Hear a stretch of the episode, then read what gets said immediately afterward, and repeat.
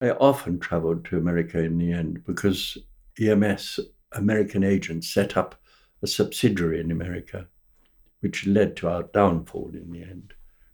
So we had a flat in New York, and I often went across, often first class and extravagantly. In those days, lots of different things were possible. You could take a prototype on an aeroplane and they put it in a cupboard at the back. Or, for instance, I don't know if you know the story of when I said we went in for his prize, Muse's prize. It was getting very late, I prepared a book which was this big, detailing all the programming and all the bits of equipment and the codes used and everything, and beautiful photographs in it. And for some reason, it all got behind, behind. And then the, the last day for the prize to be given in was tomorrow.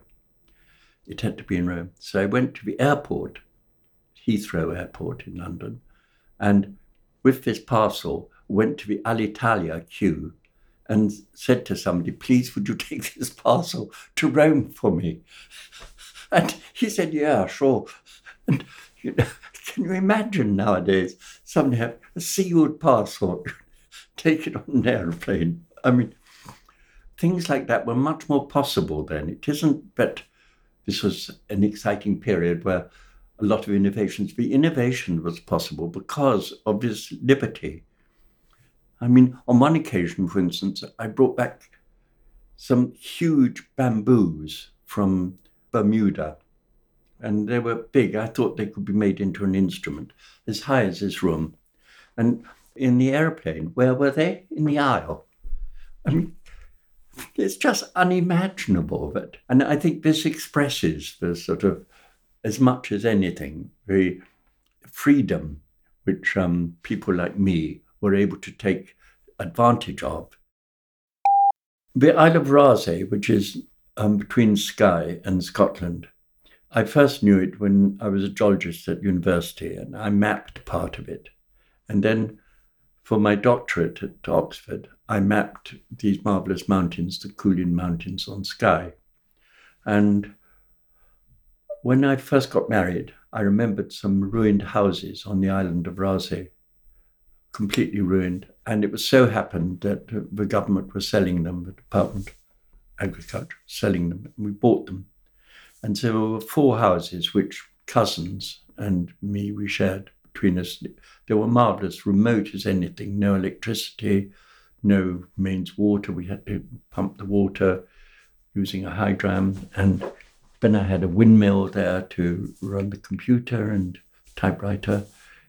And that, that was interesting too, because I don't know how many people had windmills in those days too.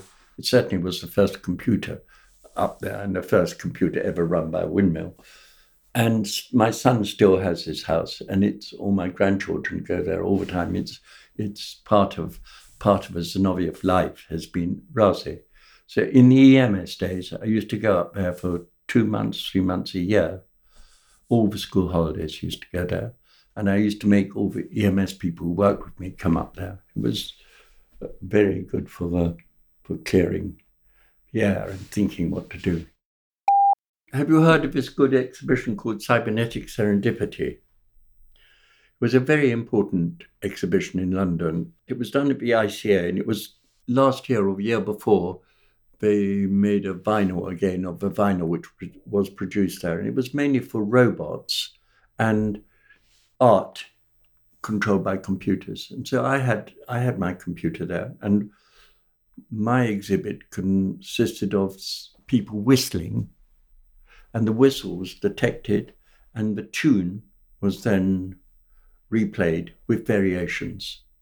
So it was was quite amazing. David Cockerell had detect, made a thing which detected what pitch you were whistling, and then then I would anticipate if it was one of two two or three well-known tunes which people were whistling, then it would play it. So this was another example of a freestanding computer doing doing something. Certainly, I hope that computers would very soon, or my computers, or the future of, you know, in a few years, my studio would be able to interpret such ambitious scores in in real time. And But it was about this time that I realized, of course, other people, other people in the world working. And for instance, Max Mathews at Bell Labs used the same computer as me. And he had a system called Groove. It wasn't quite as clever as my system because he didn't have David Cockerell.